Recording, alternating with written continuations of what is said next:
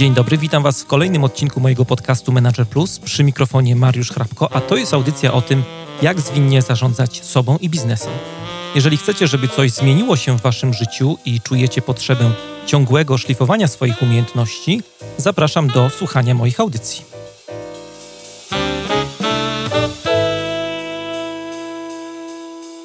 To jest podcast Manager Plus. Dzisiaj w audycji będziemy rozmawiali o kontraktach Agile. To jest e, taki temat wciąż świeży. E, temat, który ciągle się rozwija i niesie ze sobą sporo wyzwań, też budzi e, sporo kontrowersji w firmach. I dlatego dzisiaj do programu zaprosiłem prawnika do spraw zwinności, jeśli mogę tak powiedzieć, specjalistę z zakresu prawa nowych technologii. Moim i waszym gościem jest Łukasz Węgrzyn. Witam cię, Łukaszu, bardzo serdecznie. Cześć, cześć, witam. No właśnie, jak pojawia się temat kontraktów Agile w naszym kochanym kraju, to e, zaraz obok kontraktów Agile pojawia się też Twoje nazwisko. Kiedy zaczęła się w ogóle Twoja przygoda z Agilem jako prawnika albo nie jako prawnika?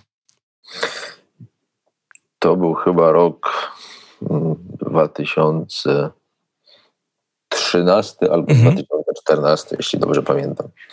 Tak, to no, przełom 13 i 14 roku. A miałeś jakiegoś klienta, czy, czy bardziej takie swoje zainteresowania hmm. tym tematem? Dorwałem jakiś materiał mm, z internetu, mhm. który opowiadał o samym, samym agile'u jako takim. I zastanawiałem się, czy to podejście, które w tymże artykule było traktowane jako nowa fala, która właśnie nadciąga na, do branży IT. E, czy ta nowa fala będzie miała jakiś wpływ na to, e, co się dzieje w takim czysto prawnym obszarze? Bo oczywiście wcześniej miałem do czynienia też z umowami, też z kontraktami, najczęściej jakieś wdrożenia systemów informatycznych, no, które były realizowane w modelu kaskadowym. Czyli ten waterfall był takim nazwijmy to dominującym modelem e, również, mhm. jeżeli chodzi o samo kontraktowanie. I zacząłem się zastanawiać, jeżeli idzie fala i ta fala zmieni sposób realizowania projektów informatycznych, no to jak to będzie, jak to będzie wpływało na sam model kontraktowania. I tak. I tak, tak się zaczęło. Tak, dokładnie tak. Kroczek po kroczku, potem dorwałem jakiś materiał mm, o, o samym kontraktowaniu Agile z e, jakiegoś amerykańskiego periodyku, że nie pamiętam, co to było. Mhm. I zacząłem się tak po prostu koło tego, mówiąc krótko, kręcić i to mnie wessało. No tak, jesteś takim nietypowym prawnikiem właśnie, który się zajmuje tymi tematami, bo o ile w firmach jest to no, dla wielu ciągle temat świeży, ale już nie tak bardzo.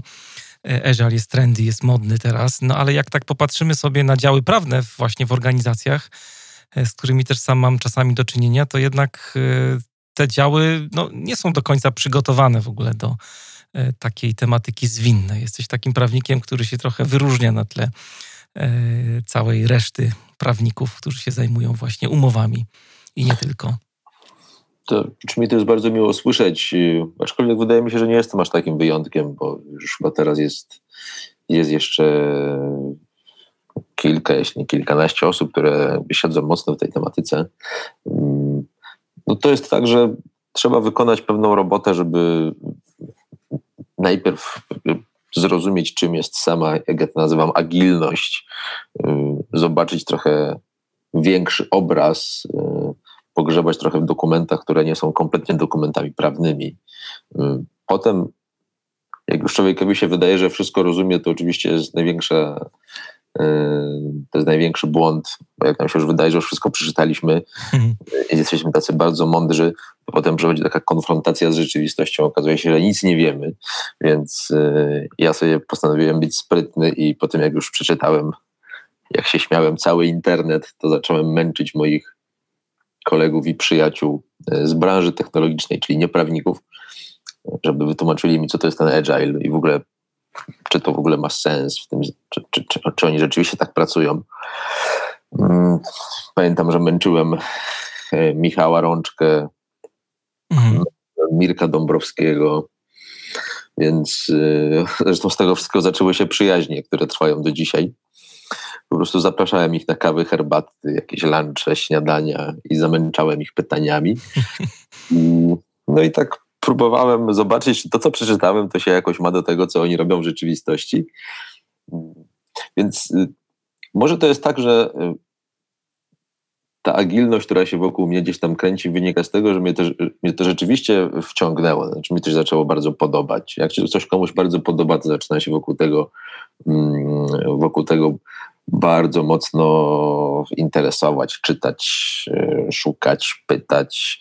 I to już się robi trochę, to się robi coś więcej niż po prostu zawodowa kwestia to po prostu zaczyna być interesujące. No tak, I... to jest też coś, co cię wyróżnia, tak jak mówiłem wcześniej. Ty jesteś takim prawnikiem, który czuje faktycznie te metody e, i spokojnie na ten temat można z tobą porozmawiać, jak z takim partnerem, który w takim projekcie pracował.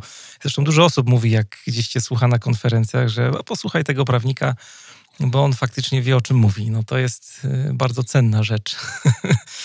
To jest bardzo miłe, bo to jest takie, bo dla każdego, kto doradza przy dużych przedsięwzięciach, mm. dużych, mniejszych, to jest miło usłyszeć od ludzi ze środka, tych takich insiderów, że, że ty wiesz, że tak powiem, o co, o co chodzi tak biznesowo w tym wszystkim, a nie tylko z perspektywy prawnej. To jest fajne, to jest bardzo miłe. No dobra, no to, to gryziemy temat w takim razie. Jakbyśmy tak na początku wyjaśnili słuchaczom, e, co to takiego jest ten kontrakt Agile i czym ten kontrakt różni się od kontraktów tradycyjnych? To tak w, w prostych słowach kontrakt Agile, czy jak to Amerykanie pięk, pięknie nazywają contracting Agile, to jest y, nic innego jak umowa pomiędzy jedną a drugą stroną, czyli najczęściej zamawiającym a dostawcą, e, która w swoich postanowieniach ma być spójna z metodykami, czy też ze, sposobem realizacji projektu informatycznego e, w sposób no, oczywiście zwinny. Czyli jeżeli projekt będziemy realizować w oparciu o jedną z metodyk zwinnych, mhm. to umowa musi odzwierciedlać tę metodykę nie ma nic gorszego jak napisanie umowy, która kompletnie nie odzwierciedla tego, w jaki sposób będzie robiony projekt. Czyli mówiąc krótko, jeżeli mamy projekt informatyczny, który będzie realizowany w ramach jednej z metodyk, czy też może bardziej w ramach jedne, jednego z frameworków, takim, to już nie są metodyki, czyli takim, takim frameworkiem naj, najbardziej popularnym jest oczywiście Scrum, to umowa, która spisana pod ten projekt powinna uwzględniać pewne mechanizmy, które z tego samego skrama wynikają, czyli iteracyjny model dostarczania usługi, czy też dostarczania produktu, y, bardzo mocną współpracę stron, y, najczęściej iteracyjny model rozliczenia się pomiędzy stronami, y, trochę inny sposób, żeby nie powiedzieć diametralnie inny sposób kontroli zakresu takiego przedsięwzięcia informatycznego, bo oczywiście to jest jedno z pierwszych takich z pierwszych takich większych kwestii, jak ten zakres w tych umowach ująć, skoro często ten zakres jest delikatnie rzecz biorąc mglisty. Czyli y, podsumowując, z kontraktami jeżeli mamy do czynienia wtedy, kiedy umowy są pisane w taki sposób, żeby były spójne z zwinną realizacją przedsięwzięć. To są oczywiście najczęściej przedsięwzięcia informatyczne. Przy czym to jest jeden taki mały Jedna mała poprawka, to już nie jest tak, że tylko i wyłącznie kontrakty agilne pisze się dla branży IT. Oczywiście dla branży IT to jest 99,9% takich przypadków, ale Agile to nie jest tylko domena mm, technologii, to jest również domena innych, innych przedsięwzięć, mhm. przemysłów, jak chociażby przemysł budowlany. Natomiast oczywiście dominatorem jest y, przemysł IT, to, to wyszło z IT, to siedzi w IT, jakby IT jest tego mm, takim królem. Mhm. Zanim Cię podpytam o, o, takie szczegóły związane z kontraktami, to yy, mógłbyś powiedzieć parę słów, jak to wygląda mm, właśnie od strony takiej praktycznej, bo czy, czy te kontrakty Agile faktycznie funkcjonują w firmach? Ty dużo o tym opowiadasz. E, I tak się właśnie zastanawiam, czy to nie jest częściowo tylko gdybologia, na ile właśnie masz takich praktycznych doświadczeń, na ile masz klientów, y, którzy korzystają z umów, którym pomagałeś właśnie y, w opracowaniu.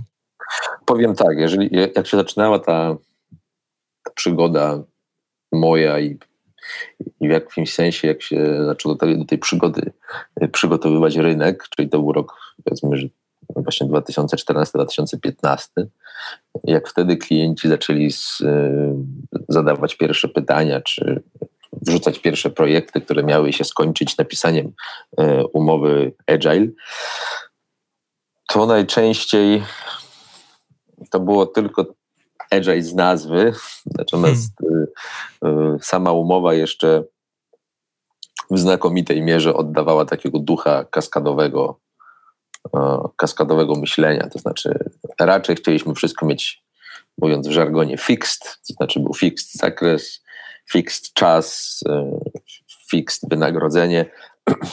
Więc ja trochę się śmiałem, że to jest taki water scrum fall, to znaczy, próbujemy powiedzieć sobie, że pracujemy skramowo, ale w ramach reżimu waterfallowego. To były umowy, które czasami, pamiętam jak e, zdarzałem się z moimi klientami, którzy twierdzili, że oni już mają umowy e, agilne i pokazywali im umowy, w których właściwie wszystko działo się w oparciu o model waterfallowy, tylko że role poszczególnych, poszczególnych osób były nazywane e, w sposób, jaki jest na przykład w Scrum Guide, tak? Czyli zamiast PM-a mieliśmy na przykład Product Ownera, zamiast koordynatora mieliśmy Scrum Mastera. To wszystko inne chodziło dokładnie tak, jak chodzi w Waterfallu. Mm. Więc to nie miało wiele wspólnego z umowami agilnymi. To się tak naprawdę zaczęło zmieniać jakieś 2-2,5 roku temu, e, kiedy nie tylko działy technologiczne zaczęły się upominać o to, żeby umowy były uspójnione z mm, projektem, czy, czy, czy z duchem projektu, ale zaczęły się o to upominać również działy biznesowe. I to, jest, to, jest, to był bardzo wyraźny moment, kiedy y, ja to wręcz czułem, no, nomen omen to musiałem czuć, prawda, no bo zajmuję się tą tematyką, ale czułem, że wtedy y, jakby coś się zmieniło. Y, Dlaczego tak się stało? Myślę, że dlatego tak się stało, że mm, Agile w, w roku 2013 czy 2014 na, na, na tym naszym, w tym naszym kraju, to był pomimo faktu, że to już, omówmy się, to nie była nowość, to jednak w ramach samych technologii to już była opanowana sytuacja, biznes nie miał o tym większego pojęcia. Czy biznes coś słyszał, ale niekoniecznie musiał się tym jakoś mocno przejmować. Po, po dwóch, trzech latach jakiejś takiej wielkiej ewangelizacji, którą, którą wykonywał e, internet, którą wykonywały osoby z technologii na masie konferencji, które się odbyły w, w w Polsce, ten biznes zaczął się trochę bardziej tym interesować, ale e, to cały czas nie było aż takie, aż takie zainteresowanie, żeby poświęcać temu jakiś potężny priorytet. Dopiero jak się okazało, że e, zachodnie korporacje zaczynają publikować informacje, z których wynika, że agilność, e, uskramowanie procesów, zlinowanie procesów, że to zaczyna przynosić realną efektywność e, kosztową, czasową, finansową, to wtedy działy biznesowe zaczęły dochodzić do wniosku, że może, może, może to jest coś, czym myśmy się powinni mocno zainteresować. Kiedy oni zaczęli się tym interesować, ponieważ chcieli sobie zbudować lepszą efektywność na czasie projektów, e, lepszą efektywność na tym, tym, tym, tym takim, mówiąc staropolszczyzną, time to market, to ta potrzeba kontraktu, który nie był już tylko waterfallem ubranym w Scrum, ale który był prawdziwym prawda, Scrumem albo pra prawdziwą agilnością, była dużo, dużo większa. I na przykład teraz jest tak, że ja procentowo oczywiście są jeszcze przypadki, które, które można nazwać takim trochę water scrum fallem, tak? To znaczy jest zapotrzebowanie na umowę agilną, ale to jest taka umowa agilna, która w zasadzie z agilnością ma tyle wspólnego, co siatka definicyjna to jednak już znakomita większość projektów, która jest robiona i to jest, co, co, co śmieszne, to jest znakomita większość projektów robionych przez duże korporacje, to są duże międzynarodowe korporacje albo duże polskie organizacje, to już są tak zwane umowy agilne czy umowy agile z prawdziwego zdarzenia. Czy tam modele rozliczeń, kontrola zakresu, e, współpraca stron, modele wyjścia z kontraktu, modele te, te, te scenariusze exitowe, to jest wszystko bardzo mocno uspójnione z, model, z metodykami, frameworkami zwinnymi. Czyli tak powiedziałbym, że od jakichś dwóch lat ten agile w umowach to już jest taka rzeczywistość, to już nie jest coś, co jest malowane, to już nie jest po prostu pomalowany na jakieś skramowe kolory waterfall, tylko to jest rzeczywiście agilne. Łącznie z tym, że są klienci, którzy mm, proszą o wpisywanie takich modeli rozliczeń, które są oparte na specjalnych systemach premiowych, motywujących dostawcę, mocne odejście od kar umownych, koncentrowanie się na wyniku, koncentrowanie się na tym, że lepiej szybko się i cywilizowany sposób rozstać, niż budować jakąś gigantyczną machinę. Potencjalnych sankcji, zmienia się filozofia kontraktowania. Ja mam wrażenie, że ta filozofia kontraktowania to, to, to jest znaczy to jest coś, co jest naj, najbardziej fajne w tej całej historii, że y, ten model win-win, który często się uważało, że jest mówiąc krótko takim trochę takim marzeniem ściętej głowy. Także wszyscy mówią o win-win, ale tak naprawdę chodzi o to, żebyśmy to my wygrali. I, i, nie interesuje nas jakoś koniecznie szczęście dostawcy, czy też szczęście zamawiającego, mhm. to okazuje się, że jednak model win-win ma potężne znaczenie biznesowe i teraz przy dzisiejszym pędzie technologicznym, gdzie nie ma sensu naprawdę budować kontraktów, które powodują, że jesteśmy szczęśliwi w sytuacji sporu, to jest trochę filozofia, która mam nadzieję odchodzi do lamusa, czyli budowanie kontraktów po to, żeby mieć jakiś mniej lub bardziej zdatny arsenał na wypadek, kiedy będzie spór, ponieważ budowanie takich kontraktów to jest nic innego jak mm, przyjmowanie tak zwanego mindsetu, że z całą pewnością się nie uda. Że po to robimy ten projekt, że się z całą pewnością zaraz wywrócimy. Więc musimy sobie napisać taki kontrakt, że jak się wywrócimy, to żebyśmy mieli odpowiednio wielkie pistolety w rękach, żebyśmy się mogli bardzo ładnie pozabijać. Tak? Mhm. I ta filozofia na szczęście odchodzi do lamusa.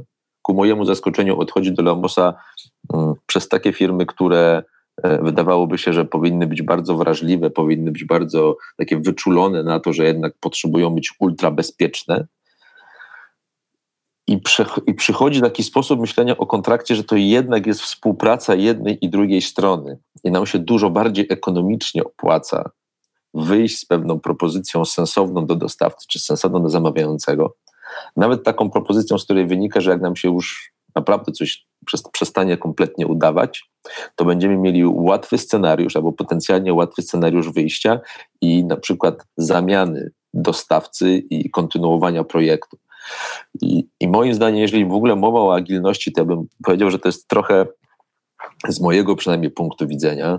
Ja traktuję umowy agilne jako, mm, jak ktoś mi mówi, że co, właśnie co to jest umowa agilna, to w takim w pierwszej odpowiedzi to jest oczywiście umowa, która powinna adresować te frameworki, czyli te zasady, które wynikają na przykład ze Scrum Guide. Tak, jeżeli projekt robimy zgodnie ze Scrumem, no to powinien, powinny być tam pozapinane odpowiednie mechanizmy skramowe.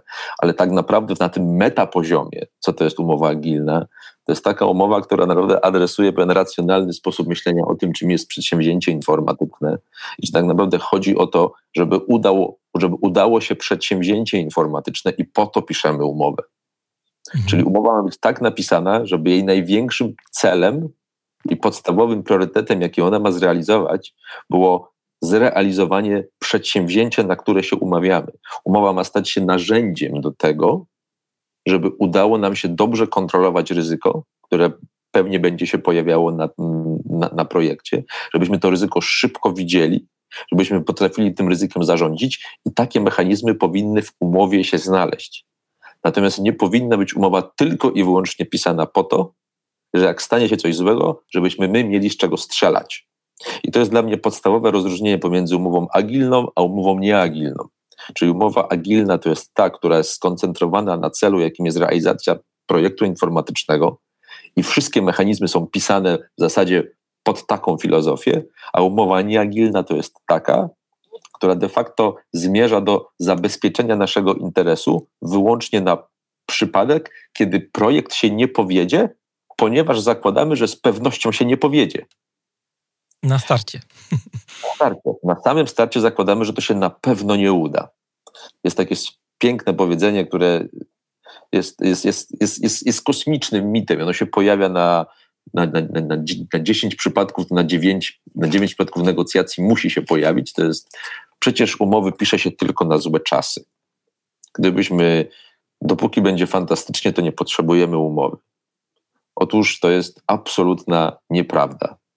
To jest tak, jakby powiedzieć, że e, w zasadzie jesteśmy potężną orkiestrą, każdy z nas wie, co grać, to po co nam ten, po co nam ten dyrygent? No to spróbujcie zagrać wszystko w jedno tempo, nie patrząc na tego dyrygenta. Mamy umowę, musimy wiedzieć, w jakim kierunku ma, idziemy. Tak? Nie możemy się non-stop zastanawiać, jak, ma, jak mają przechodzić procedury testowe, jak mają przechodzić procedury odbiorowe, jak ma być poukładany personel, w jaki sposób mają być modelowo ukształtowane spotkania na, na przykład w ramach projektu wdrożeniowego. Umowa ma nas przez to zwyczajnie prowadzić.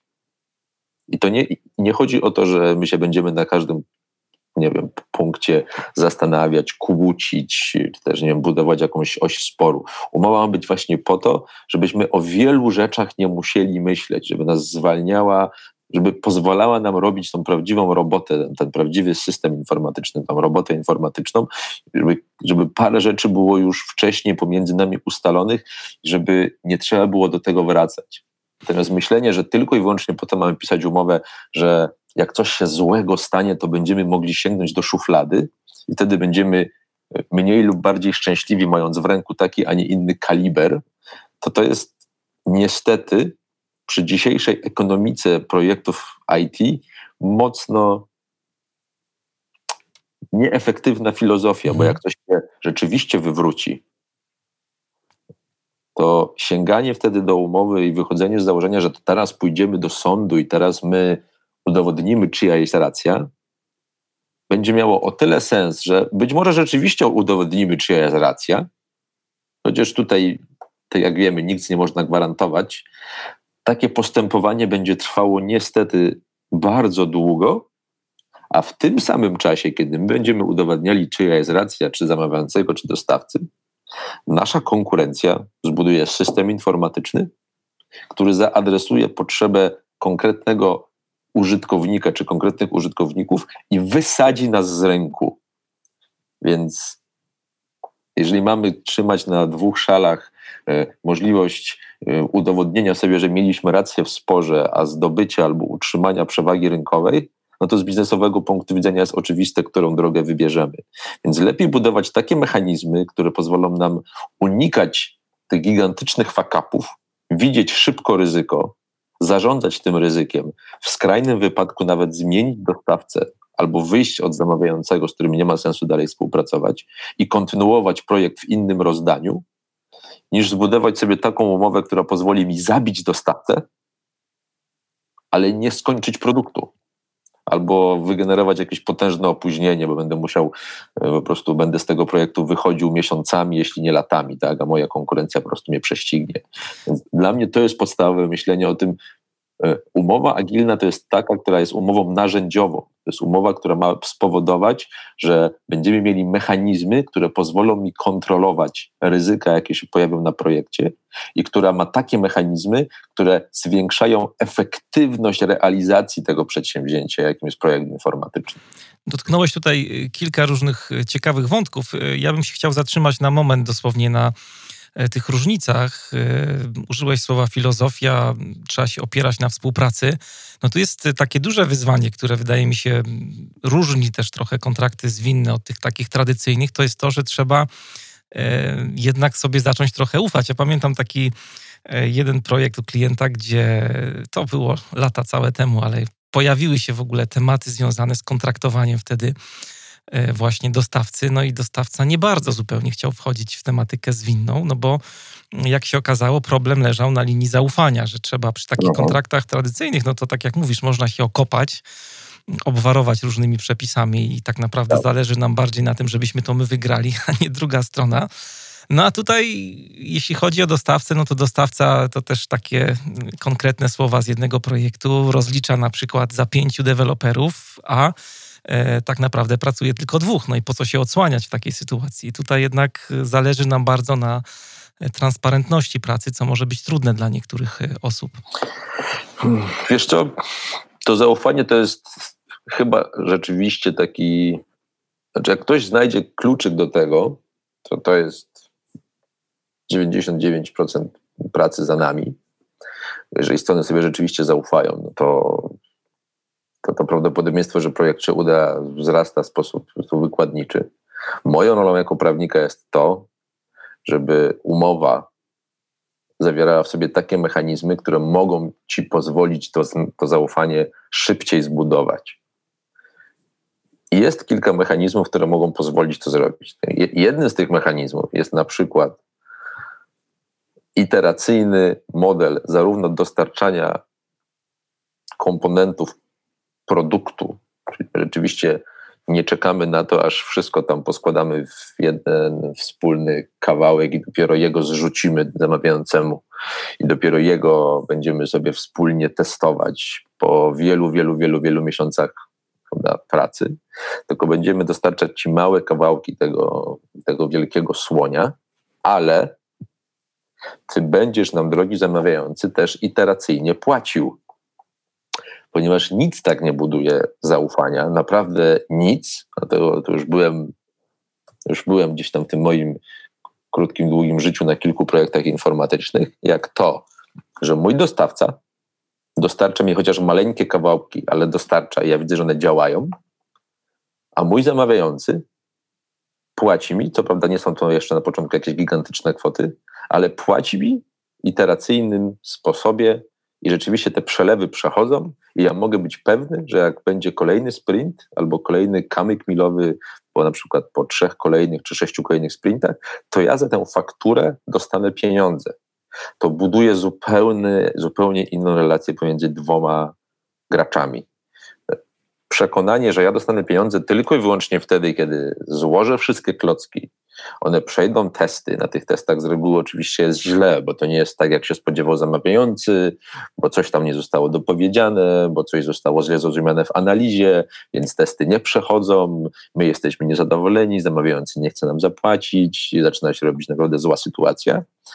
No to to nie buduje zaufania. Mówmy się, że to buduje coś kompletnie przeciwnego, tak? Natomiast umowie takim mechanizmem, do którego ja namawiam i to również namawiam wtedy, kiedy reprezentuję zamawiającego, jest to, żeby nasz dostawca był wynagradzany również iteracyjnie. Ponieważ z czego żyje dostawca? Dostawca żyje z tego, że realizuje projekty informatyczne, za które dostaje pieniądze. Jeżeli będzie dostawał pieniądze na bieżąco, to będzie miał dużą motywację, żeby to przedsięwzięcie robić najlepszym zespołem i w możliwie szybkim czasie. Jeżeli jakkolwiek uznamy, że zapłacimy mu dopiero na sam koniec, to nie będzie miał aż tak dużej motywacji, jak moglibyśmy zrobić. Najprawdopodobniej z zespołu A zrobi się zespół K, a być może w skrajnym przypadku nawet nasz dostawca stwierdzi, że ten projekt dla niego zaczyna być już skrajnie nieopłacalny, ponieważ właśnie nagrał sobie trzy inne projekty i ten nasz traktuje jako taki już, no niestety, kulę u nogi. Więc jednym z modeli budowania zaufania jest trochę inny model rozliczania się z tytułu naszego zaangażowania w projekt. I do tego bardzo namawiam tak dostawców, jak i zamawiających. Oczywiście dostawców muszę namawiać trochę mniej, no bo oni z oczywistych względów są z takim modelem bardzo, bardzo ok. Drugi model to jest y, model takiego mechanizmu umownego, który zakłada, że my dajemy sobie taką próbę współpracy. Jest sobie zamawiający, jest sobie dostawca na, na poziomie RFP, wszystko wyglądało fantastycznie. No ale no, ktoś jednak ktoś jednak to postępowanie wygrał, została podpisy, podpisana umowa, no i teraz, że tak powiem, rzeczywiście ta rzeczywistość się objawi w takiej pełnej krasie. Tak? Czy my to rzeczywiście do siebie pasujemy, czy może niekoniecznie.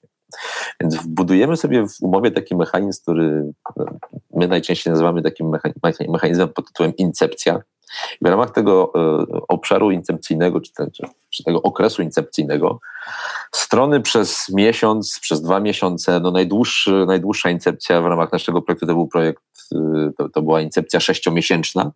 Strony uczą się siebie. Tylko tu oczywiście od razu uprzedzam jakiekolwiek pytania. To nie jest tak, że my się tam uczymy siebie, daje pieniądze i nie ma żadnej, żadnego, żadnej rzeczywistości, znaczy żadnego rezultatu. My dostarczamy już pierwsze rezultaty, My zaczynamy już dewelopować jakieś pierwsze kawałki, zaczynamy budować już jakieś pierwsze mock-upy, ale po tym miesiącu, czy po, czy po dwóch, każda ze stron, to podkreślam, każda i to też do tego gorąco namawiam samego zamawiającego, żeby się na to zgadzał, każda ma prawo powiedzieć, słuchajcie, sprawdzam, to znaczy ja muszę podjąć decyzję, czy to dalej ma sens.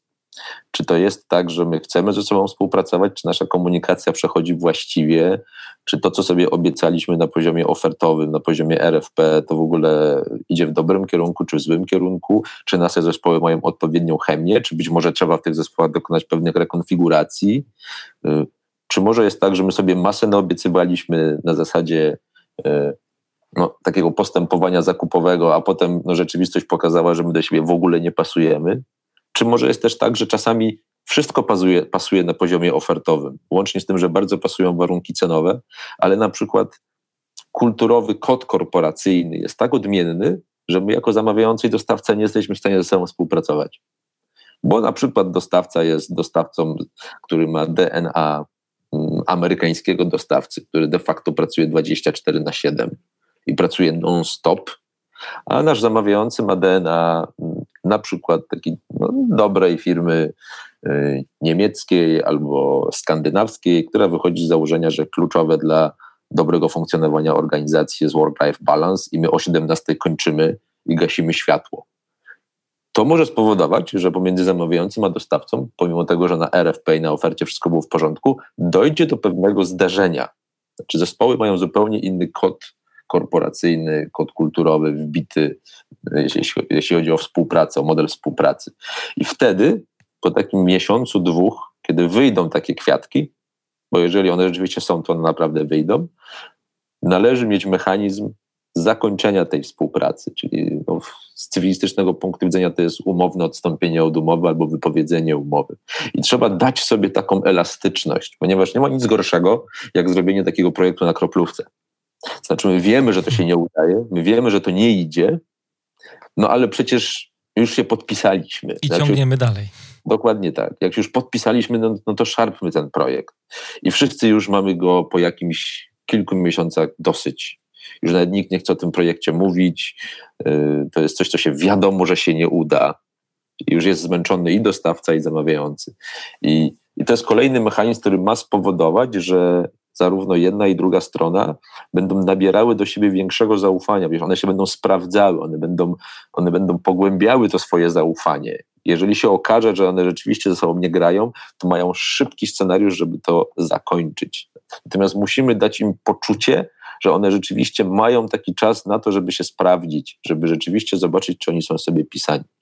A kończąc, taki trzeci element, który jest również bardzo kluczowy dla zbudowania takiego zaufania pomiędzy stronami, to jest wbicie do umowy, czyli wpisanie do umowy tych właśnie konkretnych frameworków, które na przykład wynikają ze Scrama, e, w zakresie między innymi spotkań zespołów i modelu współpracy zespołu.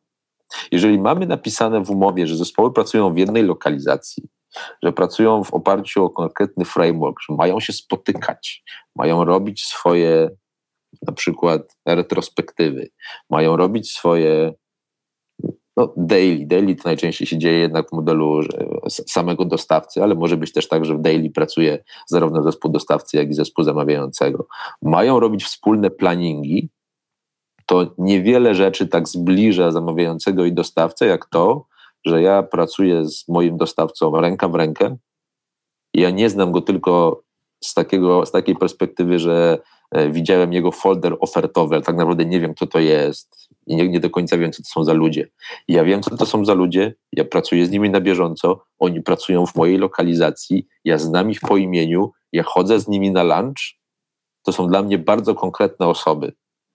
I jeżeli narzucimy sobie taki rygor wynikający już z samej umowy, czyli my, będziemy się, my się umówimy, że my tak będziemy pracować, to, to w znakomitej mierze nam pomoże zbudować zaufanie.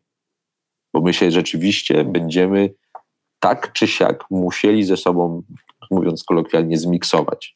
A to rzeczywiście pomaga nam zbudować zaufanie, albo szybkie podjęcie decyzji, że my no nie jesteśmy sobie pisani, tak? Mhm. Szczęśliwie jednak no, jest przynajmniej, przynajmniej w tych przypadkach, w których ja miałem okazję występować, no to się częściej i częściej jednak spadać ten bardziej pozytywny scenariusz, tak, że, że zespoły się jakoś bardziej ze sobą wiążą, że, że to jest tak, że bardziej sobie ufamy, jeżeli się widzimy, to jest zupełnie inna komunikacja. Jeżeli, jeżeli komunikacja jest najczęściej albo, jak ja to mówię, paszczą, albo na przykład slackiem, a nie zawsze mailem, tak, Jeżeli pracujemy w jednej lokalizacji, to to zbudowanie takiej relacji, która rzeczywiście moż, można nazwać partnerstwem, jest dużo łatwiejsze. Takim, takim fajnym mechanizmem, który jest z, z jednej strony niezwykle, niezwykle prosty, y, z drugiej strony on jest bardzo wymowny, jest nazywanie przez, to oczywiście przyszło z Ameryki, jest nazywanie przez amerykańskich zamawiających dokumentu RFP, który oczywiście jest e, rozszyfrowanym skrótem Request for Proposal, czyli zapytanie ofertowe, e, na skrót RFP Request for Participation, czyli zaproszenie do współpracy. To ma zbudować już na wstępie inną filozofię tego, co będzie między nami. Czyli my się zapraszamy do współpracy, my mamy zbudować wspólne przedsięwzięcie, mamy budować je razem. I to są rzeczy nieraz bardzo miękkie, nieraz bardzo twarde, które ma nam umożliwić umowa, ma nam, ma nam pomóc zbudować umowa, bo chodzi o to, że jak zbudujemy to nasze przeklęte zaufanie, to prawdopodobieństwo realizacji przedsięwzięcia wzrośnie wykładniczo. Jak tego, jak tego nie zbudujemy i umowa nam w tym nie będzie pomagać, bo na przykład umowa będzie skoncentrowana głównie na tym, żeby nałożyć karę umowną, no to nic tak z kolei nie powoduje, że ja nie ufam mojemu zamawiającemu, jak to, że widzę, że on na każdym kroku chce, chce mi nałożyć na mnie karę umowną. Mhm. Oczywiście prowadzi też do prostego, do prostego wniosku z punktu widzenia dostawcy, że ja przestaję się koncentrować na tym, żeby dostarczać ci przedsięwzięcie czy projekt, ale koncentruję się na tym, żeby nie dostać kary umownej. Więc też nie jest to najlepszy sposób kontraktowania, jeżeli chodzi o, o filozofię e, zamawiającego. Ale powiedziałeś taką dość zaskakującą rzecz chyba, żeby e, do umowy wbić takie elementy, które wynikają trochę ze sposobu pracy, czy na przykład z frameworka, którego się przyjęło jako właśnie model y, takiego operacyjnego działania, na przykład Scrama. Powiedziałeś, tak. żeby dodać do umowy na przykład rodzaje spotkań, rodzaje tych zdarzeń skramowych, które się tam pojawiają. No można iść dalej, można określać tam też, przypuszczam, długość sprintu, dać jakieś info o timeboxach, mhm, e, mhm, mhm. osoby, które na przykład, nie wiem, role, które są odpowiedzialne za tworzenie backlogu sprintu. No ja wcześniej myślałem, że skoro przyjmujemy czy umawiamy się na przykład na Scrama, to nie trzeba aż tak doprecyzowywać tego, w jaki sposób będziemy pracować, no bo można sobie zerknąć do Scrum Guide'a i przeczytać, jak ten Scrum wygląda. No tutaj sugerujesz, żeby takie zapisy też się y, pojawiły. Ja też rozumiem, że mogą się pojawić jakieś tuningi, czy jakieś takie e, elementy związane z adaptacją pewnych rzeczy, no ale niemniej jednak no, to jest ciekawy pomysł, żeby właśnie też w umowie pojawiły się takie elementy wynikające ze sposobu pracy, czy określające ten sposób pracy.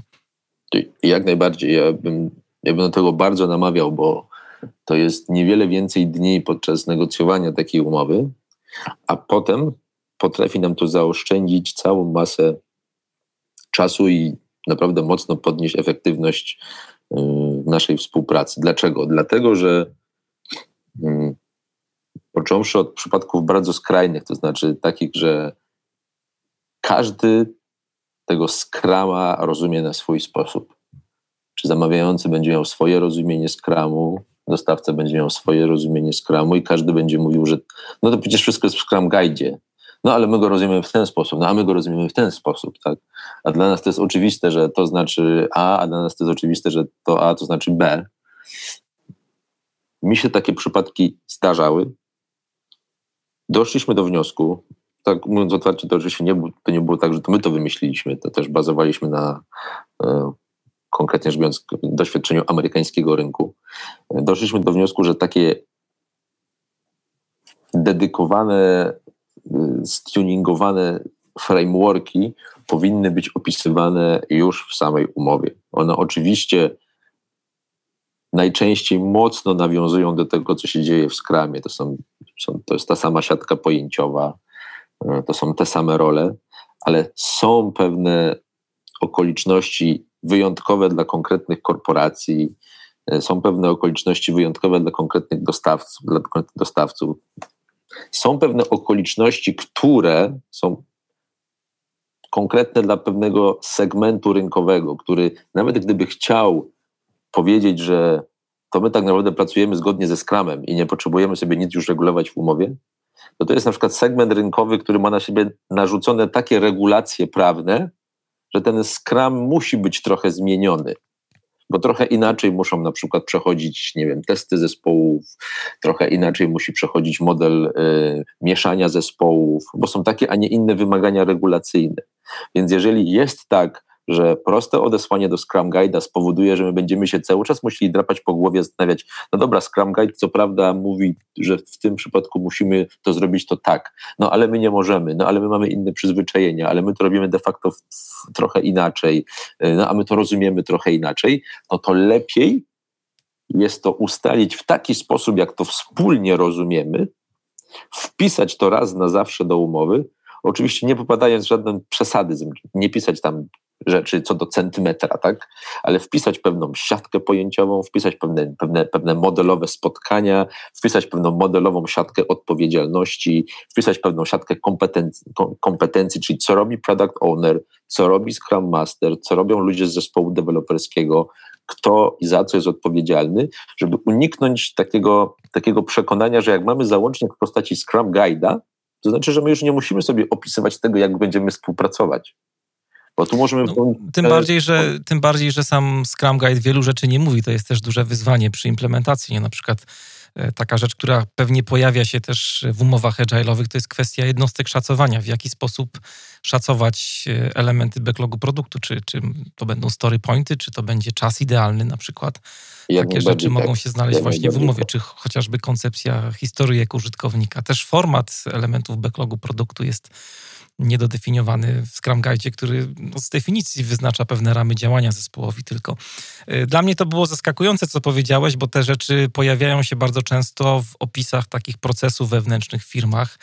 Mm, no i też y, podchodząc do takiej umowy, ja o to nie pytałem wcześniej, ale to wyszło z tego, co tutaj opowiadasz, to no świadomość stron może być bardzo różna, bo jakoś tak przypuszczam, że nie ma wymogu, jak przystępujecie do kontraktu, do pisania kontraktu agile'owego, wymogu, żeby strony były przeszkolone z tej metody, żeby mieć chociażby wspólny słownik, nie? Bo wyobrażam sobie, że może się okazać, że dostawca kompletnie nie ma pojęcia e, o skramie na przykład, e, ale wie, że to jest trendy i no, wrzuca w ofercie informację, że chce pracować w Agile i się godzi na wszystko. E, no właśnie, taka świadomość też jest ważna. Taka sytuacja, wiesz co, teraz już jest, oczywiście to się może zdarzyć cały czas, że mm, dostawca może nie mieć takiego, nie mieć takiej pewności, co to jest i tak naprawdę będzie się tego trochę uczył. Y, natomiast jak, y, jak widzę po, po przedsięwzięciach, w których my jesteśmy, czy są moi koledzy z innych firm, y, jak doradzamy już na poziomie budowania RFP, czyli tych zapytań ofertowych, czyli my już jakby wchodzimy na doradztwo dużo wcześniej niż na samą negocjację czy przygotowywanie umowy, no to RFP są już budowane w taki sposób, którym, z którego ma jasno wynikać, że my spodziewamy się od dostawcy A, że to jest dostawca, który będzie dostarczał w ramach tego projektu usługę w sposób zwinny. Przez tą zwinność my rozumiemy na przykład framework Scrum, a przez framework Scrum my rozumiemy taki, a nie inny sposób robienia przedsięwzięć informatycznych, który jest zawarty na przykład w naszym jakimś takim krótkim podręczniku, e, takim Scrum Guide dedykowanym dla naszej organizacji. I my dołączamy to do RFP i mówimy, drogi dostawco, jak chcesz pracować z nami, to musisz przede wszystkim rozumieć, co to jest ten Scrum. Musisz to się też często zdarza teraz w RFP. Musisz wylegitymować się odpowiednimi certyfikacjami, żebyśmy no, w jakimś sensie formalnie mogli sobie potwierdzić, że ty się na tym skramie znasz. My ci od razu pokazujemy, co my przez ten skram rozumiemy. Tak? Tu, masz, tu masz taki załącznik, z którego wynika, jak zbudowane są nasze zespoły, y, co my robimy na planowaniu, jakie my robimy szacowania, jak my przeprowadzamy retrospektywę. I proszę zapoznaj się z tym i wtedy podejmij decyzję, czy ty chcesz wejść z nami w takie przedsięwzięcie, czy to może dla ciebie jest tak, no, może ten Scrum to dla ciebie w ogóle nie jest Scrum, a może ty się jeszcze Scrumem w ogóle nie zajmujesz, a może ty się zajmujesz Scrumem dużo bardziej dojrzale niż my. Bo to są, niestety jeszcze zdarzają się takie sytuacje, że trochę polegamy na tym Scrum Guide, będącym takim po prostu prostym załącznikiem do umowy i mówimy sobie, dobra, jak coś tam będzie nie tak, to spojrzymy w ten Scrum Guide. I od razu coś się robi nie tak. Okazuje się, że planowanie nie przechodzi tak, jak się strony spodziewały. No bo ktoś to planowanie robił w sposób nie wiem, szybszy, ktoś wolniejszy, ktoś bardziej skoncentrowany, ktoś e, budował sobie podczas takiego planowania jakąś, jakąś siatkę maską, a my, a my tego nie robimy. Więc takie rzeczy trzeba szybko rozbroić, żeby się nie pojawiały na projekcie. Jak się będą pojawiały na projekcie, to będziemy po prostu tracili czas. Lepiej do tego czasu trochę więcej zainwestować na początku, a potem gładko realizować projekt, niż co chwilę się zastanawiać, co my mamy teraz zrobić. Między innymi też po to jest trochę inny model robienia postępowań zakupowych, że podczas postępowania zakupowego, podczas tych słynnych Q&A'ów, czy jak to nieraz w tym żargonie korporacyjnym się mówi, tych słynnych oralsów, e, ten dostawca jest zasypany pytaniami na temat tego, jak przeprowadzacie daily, y, co w waszym przekonaniu oznacza Scrum Master, e, kto wystawia product ownera, oczywiście z domysłem, że to no jasne, że go wystawi zamawiający. Tak? Jak długo trwa u Was na przykład retrospektywa, tak? Co robicie z wnioskami po retrospektywie? W oparciu o jakie punkty szacowane są na przykład estymaty na sprint i tak dalej, i tak dalej, i tak dalej. Więc jest coraz mniej ryzyka, że ten dostawca, który będzie wybrany, już będzie dostawcą, który nie wie, co to jest ten Scrum i nie co to jest ta agilność, no jakkolwiek takie ryzyko oczywiście cały czas jest, jeżeli nie przeprowadzimy dobrze postępowania zakupowego, e, albo jak sobie nie pozwolimy na to, żeby zrobić sobie po prostu zwyczajną incepcję. Bo realnie to na incepcji wyjdzie, czy my się rzeczywiście zrozumieliśmy, czy my tylko udawaliśmy, że się rozumiemy. Tak? Ale z tego, co mówisz, to też ważne jest to takie dojrzałe przygotowanie do tego kontraktowania ze strony zamawiającego, no bo chociażby przygotowanie takiego załącznika w postaci opisania tego, jak działamy. Ja tutaj trochę myślę tak o firmach, które zaczynają przygodę i nie wiem, przygotowywują się dopiero do jakby implementacji czy stosowania tych metod zwinnych, więc jest trochę inaczej. Ty też z tego, co mówisz, wchodzisz na innym etapie jakby z kontraktem, nie? Bo ta firma zamawiający musi mieć pewną świadomość tego, w jaki sposób pracuje i czego oczekuje, bo jeżeli właśnie takich reguł chociażby w jaki sposób odbywa się planowanie długofalowe, czy mamy coś takiego jak wizja produktu, jeżeli tych rzeczy nie ma, one świadczą o pewnym też zrozumieniu tego tematu, no to trudno, trudno jest wejść i przygotować jakiś sensowny kontrakt. No chyba, że nastawiamy się że na wspólne iteracyjne uczenie się przy pisaniu kontraktu agile'owego. Jak najbardziej tak jak najbardziej. E, mam jeszcze takie pytanie, które wiąże się trochę z e, głosem sceptyków związanych właśnie z kontraktowaniem, bo tutaj tak wprost przytoczę często pojawiające się sformułowania.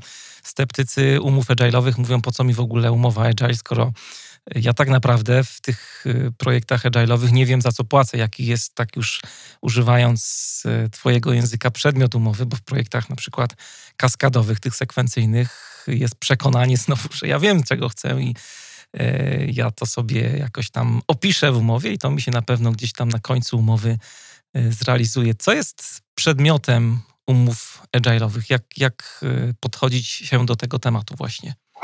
Więc to jest to, co powiedziałeś przed chwilą, to jest yy, rzeczywiście chyba taki jeden z najbardziej powszechnych, mówiąc kolokwialnie, zagwozdek, jeśli chodzi o agilność. Może nawet już nie tyle o agilność, jeśli chodzi w ogóle o kontraktowanie IT. No ale mówimy o agilności, więc to dotyczy w znakomitej mierze agilności, czyli rzeczywiście co jest przedmiotem, o co my się tak naprawdę dogadujemy. Y, przy czym przy tej okazji można zabić dwa mity, które myślę, że warto podczas tej naszej rozmowy zabić. Że oczywiście mitem jest to, że agile jako tak, jako filozofia realizacji przedsięwzięć, czy też Scrum jako jego z kolei framework, czy też już same umowy agile, czy też kontrakty Scrum, to są kontrakty, w których nie wiadomo, co się omawiamy, nie wiadomo, jaki jest przedmiot. To jest ogromna, to jest ogromna mistyfikacja, iluzja i nieprawda. To, to, to, to, to w ogóle nie jest tak.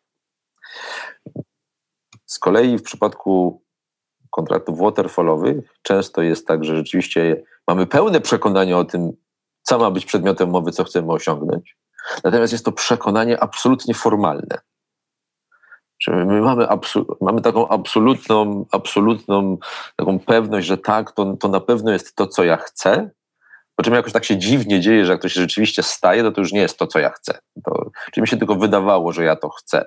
miałem jakieś takie swoje przekonanie, ale to przekonanie zostało zweryfikowane przez rzeczywistość i tak naprawdę chcę czegoś zupełnie innego albo czegoś w połowie innego. Więc jest problem, który no, jest w projektach informatycznych, on właśnie próbuje być teraz przez ten agile jakoś dobrze adresowany, że my y, dopóki nie wiemy, czego chcemy, dopóty się tym zwyczajnie zaczniemy bawić. Nie dostaniemy tego w swoje ręce i zaczniemy sobie tam tego testować, tam realizować i, i sprawdzać. Teraz wracając do Twojego pytania, o co my się umawiamy w agilności. Umowy agilne mają swoje różne odcienie. Są takie umowy agilne, które ja nazywam umowami agilnymi, na przykład na przedsięwzięcia typu RD albo na jakieś przedsięwzięcia wiem, analityczne, e, które są niczym innym jak umowami, które e, budują nam pewien framework, model współpracy zespołów zamawiającego i dostawcy, natomiast nie umawiamy się w żadnym wypadku na żaden konkretny rezultat. My się umawiamy na to, żeby pewien framework, pewien model współpracy naszych zespołów przechodził w taki, a nie inny sposób. Co będzie rezultatem tej naszej współpracy, to my de facto sobie będziemy co miesiąc robili jakieś ustalenia tego, co, co, co, my będziemy chcieli. Ale mówimy o umowach o dzieło w dalszym ciągu, czy nie? Czy to jest... Nie, i w tym przypadku mamy do czynienia z klasycznymi, prawda, klasycznymi usługami. Mam umowę usługową, e, mam jakiegoś usługobiorcę, mam jakiegoś usługodawcę, współpracujemy sobie w takim modelu, że e, po jednej stronie jest fantastycznie utalentowany zespół dostawcy, po naszej stronie, czyli po stronie zamawiających są product ownerzy i budujemy sobie jakieś przedsięwzięcia, to są przedsięwzięcia czasami trochę ad hoc, nie wiemy co nam wyjdzie, no ale po prostu chodzi nam o to, żeby y, de dewelopować próbnie pewne rzeczy, robić sobie jakieś takie wynalazki, które być może nam się do czegoś przydadzą, a być może nam się do niczego nie przydadzą. Klasyczne projekty R&D, z których nie wiadomo co wyjdzie. Takich przedsięwzięć jest najmniej. Czy jest naj, na rynku korporacyjnym takiego modelu współpracy jest najmniej. Z reguły jest tak, że korporacja, czyli zamawiający, no to on ma pewne marzenie, co on by chciał. On ma jakieś marzenie o tym, że wie, jakby miał wyglądać ten system do rozliczania kart, wie, jakby miał wyglądać ten CRM, który mu się właśnie tam gdzieś wyświetlił w głowie, wie, jakby miał wyglądać ten system, który ma rozliczać na przykład jakieś kredyty dla małych i średnich przedsiębiorstw. On jakąś wizję tego czegoś ma, jakąś wizję produktu. Co więcej, on nieraz poza samą wizją tego produktu, to on ma, ma to już dosyć nieźle przeanalizowane, jakby to miało wyglądać, takie coś. Na szczęście ten zamawiający jest albo powinien być na tyle świadomy, że nawet jeśli mam ten swój system, który sobie zamarzyłem, wiem, jak on będzie wyglądał, bo w znakomitej ilości komponentów wiem, jak on będzie wyglądał, to wiem też, że jak go będę robił przez rok, tudzież przez dwa lata, a czasami dłużej, to moje potrzeby mogą się zmieniać. Mogą się pojawiać nowe technologie, które będę chciał e, aktualizować w ramach tego systemu, mogą się pojawiać nowe potrzeby, mogą się pojawiać nowe okoliczności projektowe, mogą się pojawiać nowe okoliczności biznesowe i korporacyjne, to znaczy może się zmieniać zarząd, który będzie miał taki, a nie inny priorytet mojego projektu. Więc ja muszę być przygotowany na to, że ja muszę łatwo sobie, bo względnie łatwo, ten, projekt, ten mój projekt, ten jego, jego zakres modyfikować. Tym samym korporacje, które kontraktują się z dostawcami IT, będą bardzo często kontraktowały się na jakiś konkretnie opisany zakres, na przykład dostarczenie systemu CRM takiej, a nie innej linii biznesowej naszego, naszej drogiej korporacji. Będziemy sobie robić ten system w sposób iteracyjny. Będziemy go robić kawałek po kawałku. Będziemy bardzo rozsądnie szacować jego koszty, będziemy bardzo rozsądnie podchodzić do kontroli ryzyka w tym przedsięwzięciu. Natomiast wiemy, że chcemy skończyć z systemem, który będzie systemem na przykład klasy ERP dla takiej linii biznesowej, który obsłuży nam takie, a nie inne problemy naszej organizacji. Czyli umawiamy się o to, że ty dostarczysz mi na końcu dzieło, to dzieło będzie miało charakter systemu informatycznego. To dzieło będzie podzielone na kawałki, ponieważ ten słoń jest ogromny i my go na te kawałki musimy podzielić. My te kawałki będziemy częściowo sobie po prostu zwyczajnie od ciebie odbierać. Co więcej, my te kawałki będziemy razem, bo przecież umawiamy się na to, że to będzie współpraca agilna, będziemy razem sobie budować. To znaczy, oczywiście, ty jesteś dostawcą, więc ty będziesz grał pierwsze skrzypce, no ale ja jestem zamawiającym, będę, będę robił co, co, co mogę, żeby ci w tym wszystkim pomagać. Czyli sposób dochodzenia do dzieła tutaj będzie kluczem, tak? Żeby... Dokładnie tak. Chcę, chcę jedną rzecz podkreślić, bo ona jest super kluczowa. Oczywiście nie jest to też tak, że ja ją wymyśliłem, ale ja, ja w nią w święcie wierzę i, I promujesz. I promuję i przekonuję każdego mojego klienta. Agilność nie polega na tym, czy nie to przesądza o agilności, o tym, czy kontrakt jest agilny, jak bardzo precyzyjnie jesteśmy w stanie opisać nasz projekt, nasz system, to najczęściej jest jakiś system, ale to, w jaki sposób będziemy podchodzili do tej procedury kontroli zmian. Czyli w jak, jak łatwo lub jak niełatwo będziemy w stanie reagować na okoliczności projektowe, które się będą pojawiały na projekcie, bo to, co jest pewne, to jest to, że będą zmiany. Więc to rozsądza o agilności. Odpowiednio zapisane mechanizmy kontroli zmian zakresu. I to jest super kluczowe. Możemy mieć świetnie opisany zakres, możemy mieć opisany zakres co do centymetra. I ktoś powie, no ale czym to się różni od umów waterfallowych? Tam też mamy wszystko opisane co do centymetra. Otóż w kontekście tego zakresu to się od umów waterfallowych niczym nie różni. Ale kosmicznie się różni w zakresie procedury kontroli zmian tego zakresu jak my ten zakres będziemy sobie kontrolowali, jak będziemy go mogli modyfikować, jak szybko taką modyfikację będziemy mogli przeprowadzić. I tu jest podstawowa różnica. Tak naprawdę, jeżeli ktoś nam kładzie na stół umowę i twierdzi, że to jest umowa, która jest umową agilną, to jest nasza, to jest nasz agile contract. Pierwsza rzecz, jaką trzeba zrobić, to trzeba wejść do rozdziału procedura kontroli zmian i zadać sobie pytanie, no to powiedzcie, jak w ramach tej umowy wy zamierzacie sobie kontrolować właśnie zmiany w ramach umowy. No bo te zmiany wam się na 1000% pojawią zaraz. Jak wy macie zamiar je obsłużyć?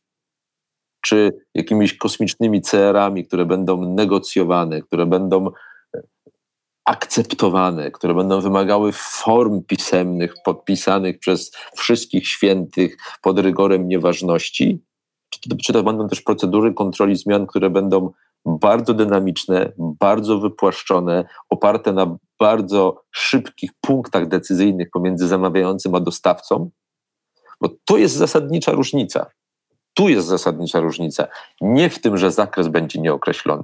Szczerze mówiąc, nie ma korporacji, która pójdzie w projekt, który waży kilka, jak nie kilkanaście milionów złotych, z przekonaniem, że my nie wiemy, co my robimy że coś tam sobie robimy, no nie wiem, no wyjdzie, to nie, to nie wyjdzie, no jesteśmy tak bogatą firmą, że możemy wydać te 30 milionów i przecież nikt nie będzie o to upominał.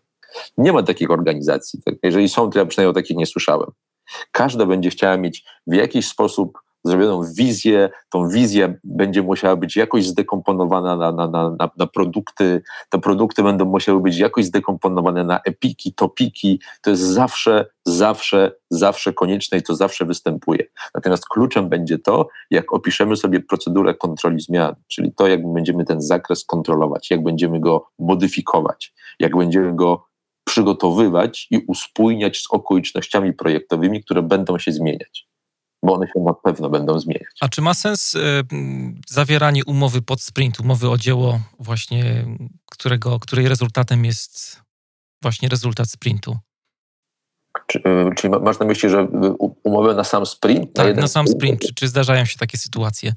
Jeszcze nie. Znaczy, mogą się, mi się przynajmniej nie zdarzały. Nie wykluczam, że takie coś może mieć miejsce, ale to sprint jest tak krótką jednostką. Za dużo zabawy jest pewnie. Tak, że to chyba byłoby chyba za dużo znaczy więcej czasu moglibyśmy chyba spalić na, na, na, na budowaniu całych, całych mechanizmów niż na, niż na zrobieniu tego przedsięwzięcia. To, co nam się zdarza, to czasami pisanie takich trochę krótszych, nazwijmy to umów, które mają opanować na przykład okres incepcji, tak? Czyli chcemy przeprowadzić incepcję i po incepcji dopiero zawrzeć taką docelową umowę, no to sama taka umowa na incepcję jest umową dużo prostszą niż, niż już docelowa umowa na wdrożenie systemu, czy na wdrożenie i rozwój systemu. I, i takie rzeczy nieraz występują, y, dlatego że jest takie ciśnienie ze strony biznesu, żeby już zacząć pracę, już zacząć robienie incepcji, y, żeby, żeby nie spowalniać to żadnym y, tam jakimś wielkim negocjowaniem docelowego kontraktu wdrożeniowego, tylko najpierw taką małą umowę, niech oni się sprawdzą, a potem zaczniemy mhm. sobie jakoś negocjować tą docelową umowę, tak? Ja nie jestem, powiem szczerze, też jakimś wielkim fanem takich sytuacji, bo to powoduje, że potem te negocjacje są trochę utrudnione, tak? Bo biznes już wie, że już mu się nie chce negocjować, bo już jest wszystko de facto fajnie, e, zaczyna nie pamiętać o pewnych rzeczach, które są kluczowe. Ja jednak wolę, żeby to jednak działo się w pewnym właściwym tempie, ja raczej nie należę do wolnych prawników, ale też nie lubię projektów, które dzieją się na zapalenie płuc. Hmm. Takie, które e, podpisujemy umowę w sytuacji, kiedy już dostawca już dawno jest u nas na zakładzie, tak? I już normalnie ze sobą pracujemy. Oczywiście mi się zdarzają takie rzeczy, bo to się pewnie chyba każdemu w IT zdarzały, łącznie z tym, że zdarzają nam się takie rzeczy, że my podpisujemy umowę na projekt, który się właśnie zadział i, i, który się szczęśliwie już skończył, no ale umowa być musi. Natomiast staram się, żeby takich, takich rzeczy jednak było mniej niż więcej. A tutaj dotknąłem tematu sprintów. To też mam takie pytanie, które myślę, że dla słuchaczy będzie ciekawa odpowiedź na to pytanie. Jak zapisywać w umowach Agile to, kiedy coś zostało zrealizowane, a kiedy nie, na przykład w kontekście sprintu? No i co z tymi rzeczami, które no, nie zostały zrealizowane, co też jest normalne przecież. E, Wiesz co, to już oczywiście kwestia następująca. Jeżeli mamy dostawcę i zamawiającego, którzy umawiają się, że będą współpracowali w ramach sprintów, czyli będziemy sobie ten nasz system iteracyjnie dostarczać.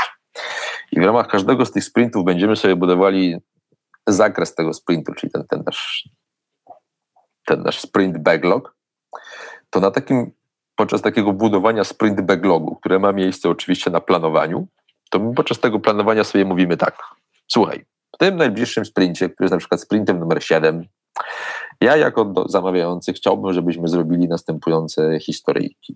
No i te historyjki tam ci wyliczam. Tam mówię, że to jest historyjka X, historyjka Y, historyjka Z. Yy, ty powiedz mi, jak ty te historyjki szacujesz? Ile to one ci nam zajmą czasu, ile ci zajmą pieniędzy, ile ci zajmą punktów, w zależności od tego, jakie przyjmiemy modele szacunkowe. I na tym właśnie planowaniu ustalmy sobie również, jakie są kryteria, w oparciu o które będziemy uznawali, że to coś jest zrobione lub nie zrobione. Żeby nie było takiej sytuacji, że jak będziemy kończyć sprint, to my się dopiero będziemy zastanawiali, czy to jest to, to, to, co to miało być, to, co nie miało być, czy to jest rzeczywiście to, co mi się podoba, czy to jest, co mi się nie podoba, czy dział rachunkowości to zaakceptował, czy jeszcze ludzie z działu księgowości muszą na to spojrzeć. Nie. My musimy na samym planowaniu przypisać do naszych historyjek kryteria akceptacji, które będą czarno-białe i będą nam, pozwolą nam podejmować decyzję, czy ta historyjka jest zrobiona, bądź nie jest zrobiona. To jest kluczowe. To jest bardzo ważne, żeby to wpisać do umowy, żeby się zespołom utarł taki zwyczaj w głowach, że na planowaniu właśnie to powinni zrobić. Co więcej, my do umowy wpisujemy jeszcze jedną rzecz. Jeżeli jest planowanie, strony ustaliły sobie jakieś historyjki do zrobienia, jakiś, jakiś ten sprint backlog. Strony sobie oszacowały ten sprint backlog. Strony sobie nawet do tych historyjek przypisały już konkretne kryteria akceptacji. To jeszcze powinnością zamawiającego jest to, że powinien na ten sprint backlog nałożyć matrycę maskołową i powiedzieć, które z tych historyjek są dla mnie absolutnym mastem, które z tych historyjek są dla mnie kudem, a które z tych historyjek to jest dla mnie taki trochę wodotrysk. No jak się uda, to się uda, jak się nie uda, to się też nie będę jakoś strasznie płakał. I to powoduje jedną zasadniczą rzecz, że mój dostawca, jak odpali ten sprint, to z całą pewnością rzuci się najpierw na te historyjki, które dla mnie są mastowe, ponieważ mój dostawca chce, żebym ja, jego, jego zamawiający, był zadowolony, ponieważ jak jego zamawiający jest zadowolony, to dużo chętniej płaci pieniądze swojemu dostawcy. Więc to powoduje, że mamy pewien taki racjonalny mechanizm, który podpowiada dostawcy, które historyjki powinny być zrobione w pierwszym rzędzie, bo one najbardziej pełnie adresują moją potrzebę biznesową jako zamawiającego. Ja je potrzebuję najbardziej, więc skoncentruj się na nich w pierwszej kolejności. Czasami umowa idzie dalej. Umowa mówi w ten sposób. Robimy te historyjki, te historyjki mają swoją matrycę maskał, czyli są jakieś masty, są jakieś kudy, są jakieś szudy i uruchomienie płatności za dany sprint nastąpi pod takim warunkiem, że zostaną zrealizowane wszystkie historyjki mające kategorię must. Czyli dopóki nie zrealizujesz wszystkich historyjek, które mają kategorię must, dopóty nie ma sytuacji, że ja ci uruchomię płatność. To oczywiście też powoduje, że mój dostawca na początku rzuci się na te masty. Chcę mieć pewność tego, że rzeczywiście jak je zrealizuje, to, to dostanie wynagrodzenie, które mu się tam należy jak psu Buda. I ja mocno na to naciskam i naciskam również wtedy, kiedy reprezentuję zamawiającego, żeby budować na sprint planningu takie taki mechanizm, żeby do takiej sytuacji doprowadzać, żeby były jasne kryteria odbiorowe tego rezultatu. Ponieważ to, co widzę często na projektach, są takie zatory, zatory odbiorowe. Czyli komuś się wydaje, że to jest zrobione, ale to może jeszcze nie jest zrobione. To, to może to jest bardziej w lewo, ale chyba miało być bardziej w prawo. Może to już jest coś, co się podoba zespołowi rachunkowości, ale jeszcze musimy zapytać dział księgowości, czy, ten, czy ta formatka się otwiera w odpowiedni sposób i w odpowiednim formacie. Nie. My takie rzeczy musimy mieć za, zaadresowane już na planningu, bo inaczej narazimy się na to, że po prostu znowu utkniemy na, jakiejś, na jakimś takiej, na jakim, takim właśnie postępowaniu odbiorowym. Tak? Będziemy się zastanawiać, czy to jest już zrobione, czy to jest już nie zrobione. My musimy, tak jak powiedziałem na samym początku, my musimy spróbować zbudować takie mechanizmy w umowie, które pozwolą nam się w, mo w możliwie dużej ilości przypadków nie zastanawiać. Chodzi o to, żeby dynamika projektu nie była zwalniana. A często niestety umowy waterfallowe są tak konstruowane, że bardzo mocno biją w dynamikę projektu. Biją skostniałymi procedurami odbiorowymi, skostniałymi procedurami testowymi, albo skostniałymi procedurami zmiany zakresu, czyli tymi słynnymi CR-ami, które są tak rozciągnięte w czasie, że musi dynamika projektu zdechnąć. Ponieważ wychodzi nam jakiś cel, trzeba go przenegocjować, trzeba usiąść do stołu, trzeba się zastanowić, czy to ma sens, trzeba się zastanowić, kto ma podnieść decyzję, czy to ma sens, potem trzeba podpisać um, jakiś aneks do tej umowy albo jakiś CER, potrzebujemy reprezentację stron, potrzebujemy formę pisemną i okazuje się, że nasze zespoły po prostu tracą dynamikę. Po prostu ją wytracają. Się już tak bardzo nie chce pracować, bo widzą, że co chwilę jest zastój. Tego musimy bardzo unikać. Umowa musi powodować, że takie sytuacje będą wyjątkowe, a nie będą standardowe. A jak sobie radzicie z odpowiedzialnością w kontraktach agile'owych? No bo e, tutaj Agile wprowadza taki świat, e, który opiera się bardzo mocno na samoorganizacji i e, no jest ta współodpowiedzialność i tak naprawdę nie do końca wiadomo, nawet się nie punktuje osób, które popełniają błąd, nie tylko wszyscy siedzimy w jednym sosie. W Waterfallu jest chyba prościej trochę, nie? bo zrobisz na czas, to dostaniesz kasę. Kto ponosi odpowiedzialność w projektach Agile właśnie jak to można ugryźć w kontraktach agile'owych? Wiesz to z punktu widzenia waterfallu rzeczywiście jest prościej. jest prościej, że można powiedzieć, tak, to twoja wina dostawcy, ponieważ to ty robisz system, ja ci tylko za niego mogę zapłacić, więc z całą pewnością, jeżeli coś się nie udało, to nie udało się przez ciebie. E, oczywiście agilność tak jak powiedziałeś, budujemy zespoły, które są pomieszane, zmiksowane. No jakkolwiek piszemy też umowę w taki sposób, że jest jakaś siatka odpowiedzialności. Wiemy, za co odpowiada product owner. Wiemy, za co odpowiadają zespoły deweloperskie,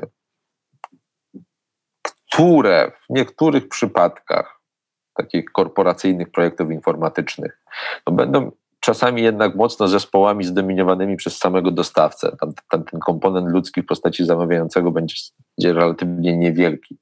Zamawiający z reguły najczęściej występuje jednak jako product owner albo techniczny, albo biznesowy. To jest najczęściej wkład do takiego zespołu.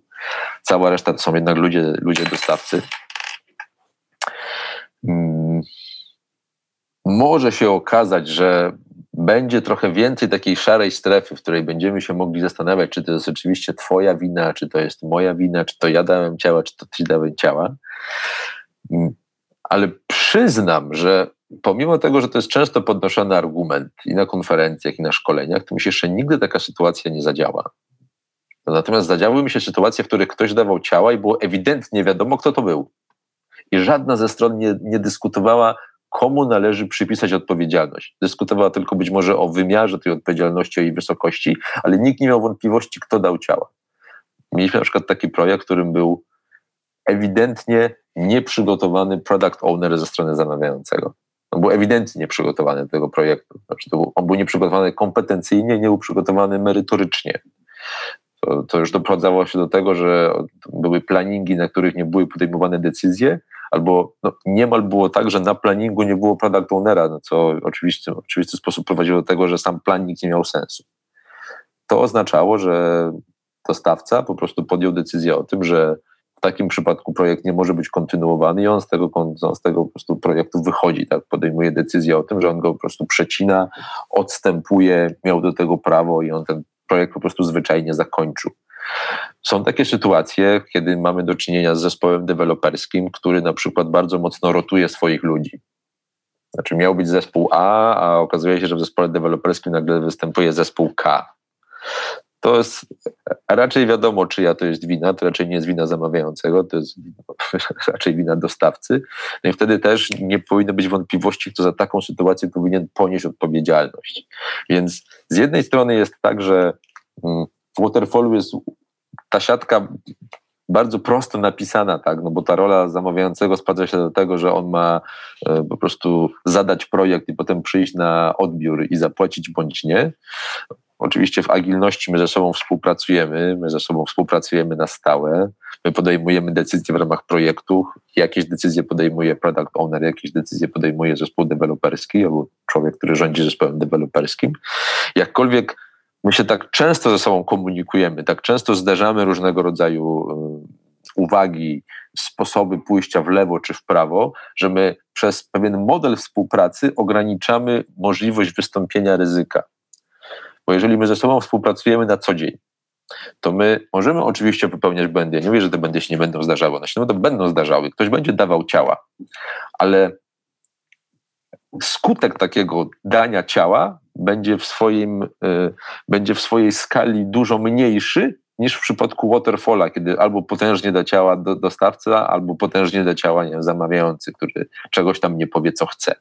Tutaj będą się mogły zdarzać takie małe, małe przypadki, że na przykład o czymś zapomniał zespół deweloperski albo o jakiejś, o jakiejś historyjce zapomniał product owner i to nam trochę zburzyło przedsięwzięcie albo zburzyło jego dynamikę przez dwa czy trzy sprinty, ale to będzie sytuacja, którą będzie można poprawić jakąś dobrą retrospektywą i dokręceniem śrubek. Tak? To nie będzie, nie będzie sytuacja, która będzie generowała jakiś gigantyczny problem na projekcie, jakiś taki mówiąc staropolszczyzną deal breaker.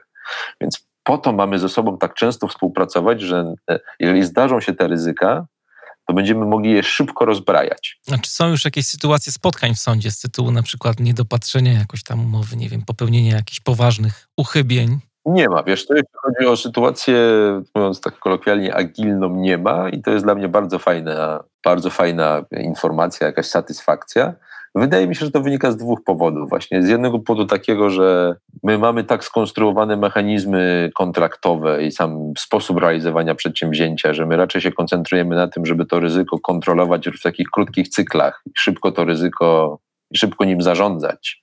Nie narażamy się na to, że przez długi czas będzie się działo coś poza naszą kontrolą, czy to kontrolą dostawcy, czy zamawiającego, czy najczęściej i zamawiającego, i dostawcy. Czyli my bardzo, bardzo, bardzo mocno jesteśmy skoncentrowani na takim bieżącym planowaniu tego, gdzie my idziemy, e, jakie miny musimy rozminować, tak, jakie są kolejne kroki. Z drugiej strony pewnie to wynika również z tego, że ta ekonomika procesowa dzisiaj jest bardzo niekorzystna dla, no, dla graczy na rynku nie tylko technologicznym, ale na rynku takim korporacyjnym. Wiemy, że wszystkie korporacje dzisiaj to są de facto firmy technologiczne, wszystkie stoją na technologiach.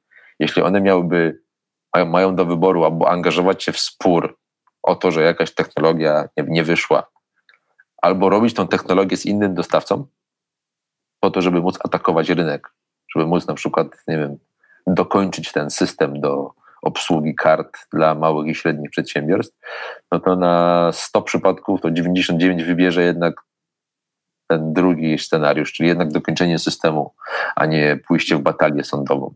Bo nawet jak pójdziemy w batalię sądową, to nawet jak ją wygramy, to może się okazać, że przegramy rynek.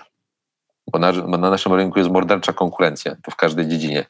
To dotyczy każdego przedsiębiorcy i wszyscy o tym wiemy. Tak? A jak jesteśmy korporacją, no to ta, no to ta konkurencja może być taka, że e, nasz konkurent tylko czeka, żebyśmy skoncentrowali swoją energię na jakimś tam na jakiejś tam wojnie z dostawcą tym czy innym, a on za ten czas sobie zbuduje system mm. informatyczny, który pozwoli mu przejąć naszą klientelę, albo przynajmniej jakąś część naszej klienteli. A co z karami umownymi? Są w kontraktach Agile kary umowne? Jak najbardziej są. To nie jest tak, że kar umownych nie ma, tylko one są raz, że są położone na tych, e, na tych obszarach, które są ważne z punktu widzenia agilności.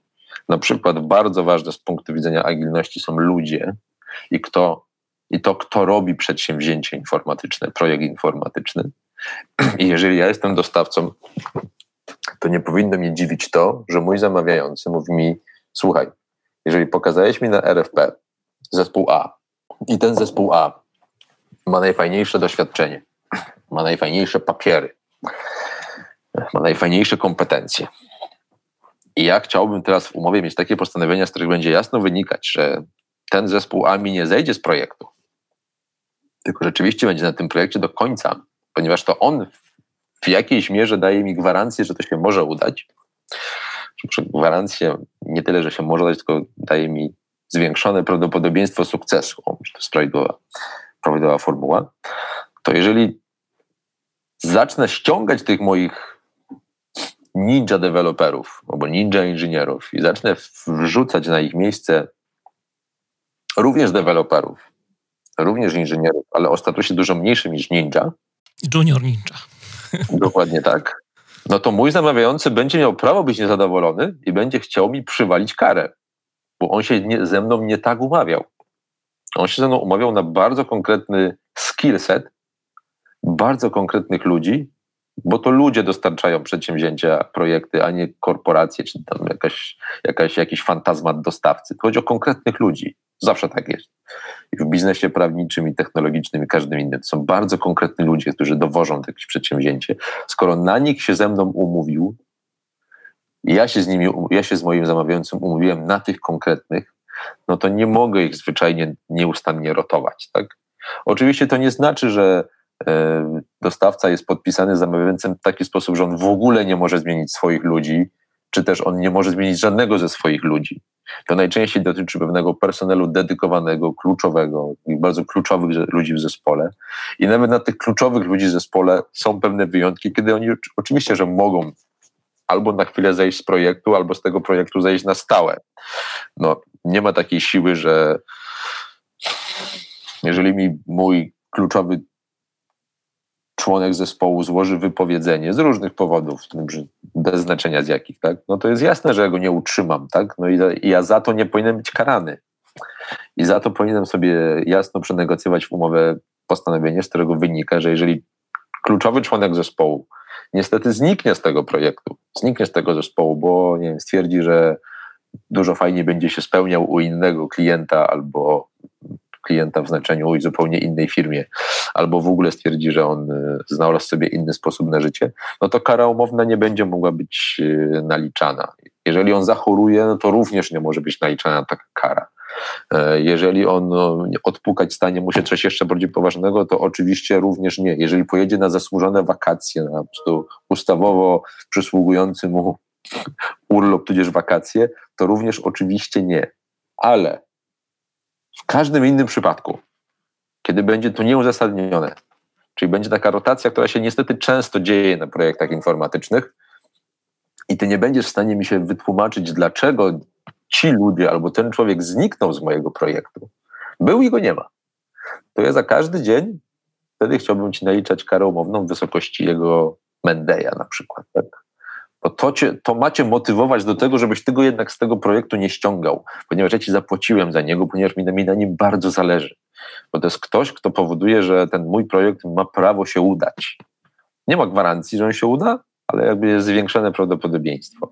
I dostawcy powinni to rozumieć i, i zamawiający coraz częściej będą o to naciskali i coraz częściej to już komunikują na, na poziomie samego RFP, ponieważ coraz częściej jest tak, że my nie kupujemy jakiegoś, jakieś boksowe rozwiązanie, pudełko, które stoi w sklepie i chcemy je wmontować do naszej organizacji, tylko my najczęściej kupujemy jakiś skill set, kupujemy jakiś zasób, mówiąc brzydko, kompetencyjny, czy zasób doświadczenia, który ma przyjść do naszej firmy czasami wmontować to pudełko, a jakże, ale potem to pudełko mocno zdedykować i jeszcze z nami rozwijać.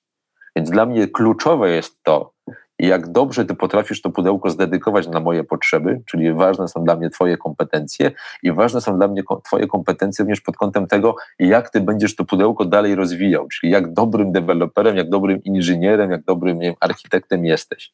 Tu się pojawia oczywiście ten słynny, ale jakże prawdziwy yy, taki sformułowanie, zdanie, fraza, którą, jeśli dobrze pamiętam, chyba powiedział Steve Jobs, czyli czym się różni dobry deweloper od bardzo dobrego dewelopera. No, się mocno różni.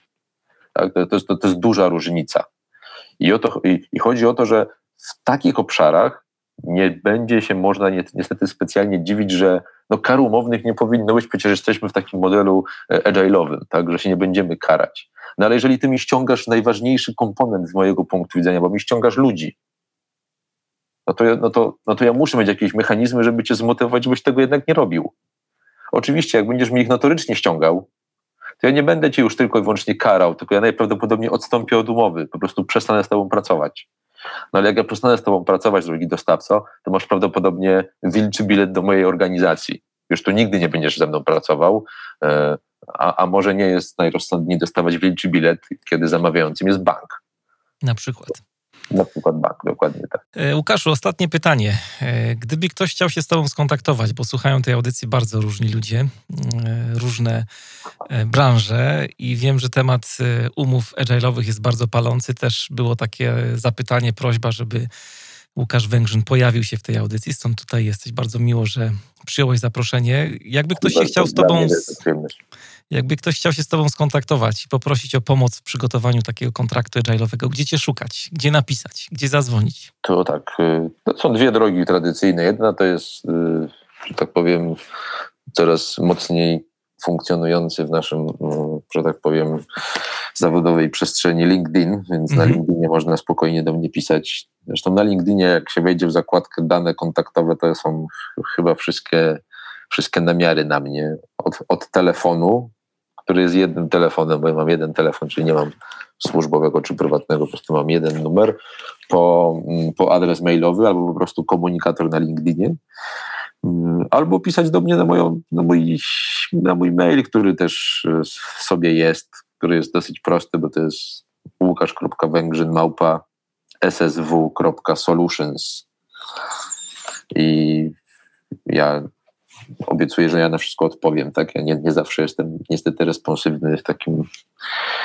w sposób natychmiastowy, ale to pewnie nikt z nas tak, tak responsywny nie jest, ale jeżeli tylko coś takiego wpadnie w, w te kanały, czyli albo LinkedIn, albo mail, to ja jak najbardziej, jak najbardziej będę, no, dzisiaj jest bardzo trudno być wszędzie. Też do mnie piszą ludzie i przez Messengera, i przez LinkedIna. Ja się staram trzymać cały czas maila, bo tego jest po prostu tak dużo, że ciężko jest to wszystko ogarnąć. E, wszystkie linki, o których wspomniałeś, podlinkujemy w materiałach e, do dzisiejszego odcinka. Znajdziecie je na stronie mariuszchrapko.com, a to jest podcast Manager Plus. Dzisiaj moim i waszym gościem był prawnik do spraw zwinności, specjalista z zakresu prawa nowych technologii Łukasz Węgrzyn. Łukaszu, ogromne dzięki za dzisiejszą ciekawą i bogatą w mięso armatnie rozmowę. Ja dziękuję, to była dla mnie wielka przyjemność i, i, i naprawdę prawdziwy zaszczyt i cieszę się, że cieszę się, że ten temat jest teraz um, coraz głośniej się o nim mówi i coraz szerzej, bo to jest, myślę, że to jest pożytkiem dla nas wszystkich. Na koniec chodzi o to, żeby te systemy, które robimy, były coraz fajniejsze i coraz lepiej działały. I jak to się będzie działo, to ja będę miał wielką satysfakcję, że jakąś tam małą cegiełkę do tego dołożyłem. Dzięki bardzo. Dzięki bardzo.